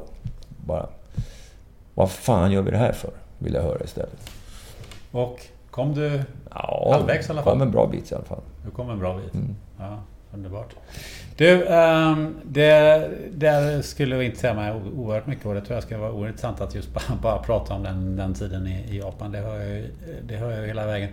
Um, jag har en sån här eh, avslutningsfråga som är lite hypotetisk lite grann. Vi var ju inne på det här med att vi var ju ingenting i volleybollen och sen blev vi ja, nästan bäst i världen. Och sen så har det ju då fallit ihop igen. Men om vi skulle ta en annan idrott. Mm. Fotboll, till exempel. Mm. Och så Och så säger vi så här att eh, Vi ska fan vi, vi ska bli så bra så att vi ska kunna VM-guld i fotboll. Så att vi faktiskt är bäst i, i världen. Eh, finns det någon resa där som du skulle säga så att ja, om man skulle ta tag i saker och ting från ett helt annat håll så skulle man också kunna nå det i en sån sport som, som fotboll. Är du lite, förstår du ungefär vad lite jag är ute efter sådär? För mm. du gjorde ju från noll ja. till världsklass. Vi är ju inte noll i fotboll. Nej.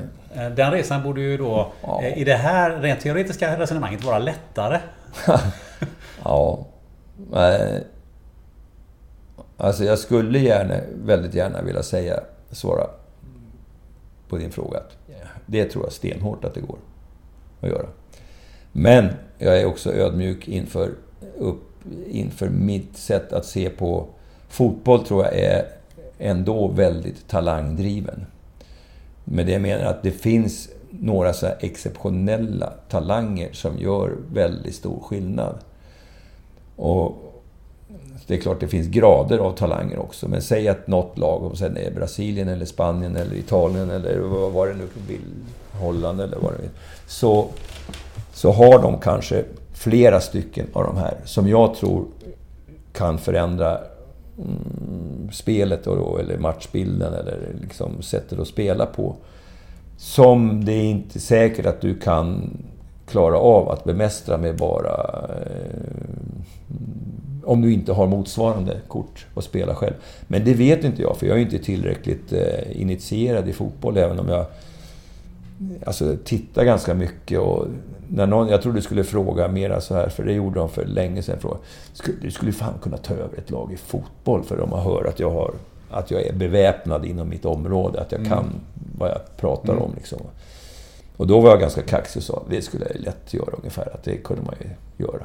Men eh, jag har nog blivit mer ödmjuk på den punkten, så jag tror att det är...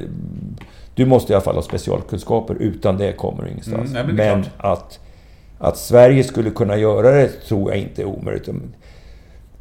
Att titta på Holland. Och sen, sen vet ju alla ursäkter som finns med, ja, med vårt klimat och sådär. Ja, men vi hade ju bara sju meter i taket i våra hallar och vi sov på vinden i Ving, Åsensgård i Vingåker. Det är ungefär samma sak. Vi behöver inte ha jättebra temperatur kanske. Och numera finns det inomhushallar och vad det nu kan vara. Men då, jag menar, titta på Holland som är ett ganska litet land, även om de har fler invånare än vad vi har, som har varit jättebra länge och ett tag var bäst i världen och alla skulle kopiera Cruyffs fotboll och ja, allt det här. Så jag menar, all, det indikerar ju på absolut att det går. Och jag tror att det går. Det, det tror jag. Men... Eh, inte så jag säger att självklart går det. Men den hypotetiska frågan, tror du det skulle vara möjligt? Så säger jag att ja, jag tror det skulle vara möjligt.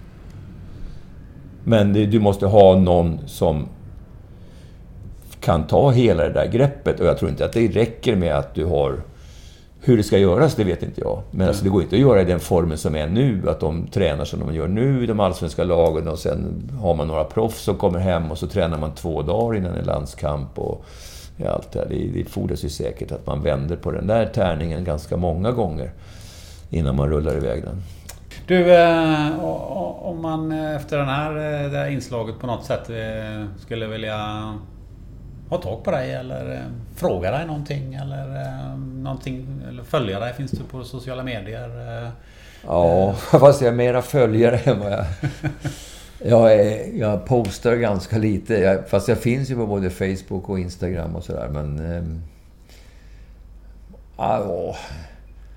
Alltså, förut så la man väl upp lite grejer, men nu tycker jag det känns lite för eh, ego-grej att lägga upp vad jag har gjort och titta här. Eller, jag tycker det blir gärna åt det hållet när man lägger upp. Om man inte ska lägga upp, och lägga upp en intressant artikel som någon annan har skrivit eller något sånt där. Men, men om man vill mejla dig? Men mejla... Ja, du får gärna få tag i mig. Men alltså det är inte svårt att få tag i mig på mejl eller på Facebook eller Instagram. Det är inte svårt att få tag i mig. Jag är absolut ingen som har gömt mig. Jag har Nej. alltid varit öppen till alla egentligen. Och jag tycker det är jättekul att, vara med, van, alltså, vanligt folk inom volleyboll. Det behöver inte vara bra. Jag håller på med det här företaget vi har. Tränar gärna folk som gör sina första stapplande mm. steg fast de är 40 år. Alltså det är som inte tänkt att bli bra. Så att jag är inte elitistisk på något vis. Om man vill mejla dig, hur gör man då? Hur gör man då? Ja, mitt namn är ett, och sen 55 at gmail.com. Anders Kristiansson 55. Eller Akej55 Hotmail. Fantastiskt. Anders Kristiansson, ett stort tack för att du ville vara med i den här podden. Ja, tack själv. Jaha. Vad kul. Hoppas ja, någon vad säger man nu då? Anders lämnar ju ingen oberörd och alla håller säkert inte med i hans analyser. Har du en annan erfarenhet eller åsikt? Susa in på poddens Facebook eller Instagram-sida och dela med dig av dina tankar. Som vanligt, om du har något alldeles särskilt på hjärtat eller bara några tips som du vill dela med dig så kan du mejla mig på gunnar.österreich.se. Nu när vi ändå är inne på avdelningen sport, varför inte förflytta oss till GIH och forskaren Elin Ekblom Back? I nästa avsnitt då ska vi snacka folkhälsa Elin har nämligen presenterat en studie som visar att hälften av Sveriges befolkning har hälsofarligt dålig kondis. Till dess, ja då vet du vad du gör. Du träffar någon du tycker om och varför inte ta en promenad medan ni löser livets problem. Ha det gött!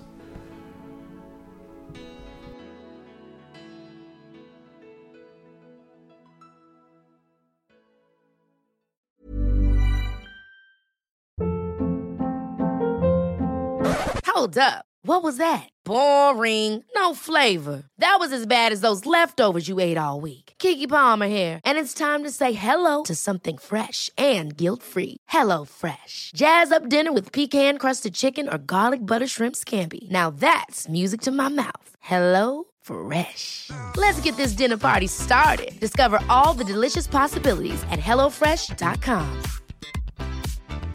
Hi, I'm Daniel, founder of Pretty Litter. Did you know cats tend to hide symptoms of sickness and pain? I learned this the hard way after losing my cat, Gingy. So I created Pretty Litter, a health monitoring litter that helps detect early signs of illness by changing colors, saving you money and potentially your cat's life. Pretty Litter is veterinarian developed, and it's the easiest way to keep tabs on your fur baby's health right at home. Go to prettylitter.com and use code ACAST for 20% off your first order and a free cat toy. Terms and conditions apply. See site for details.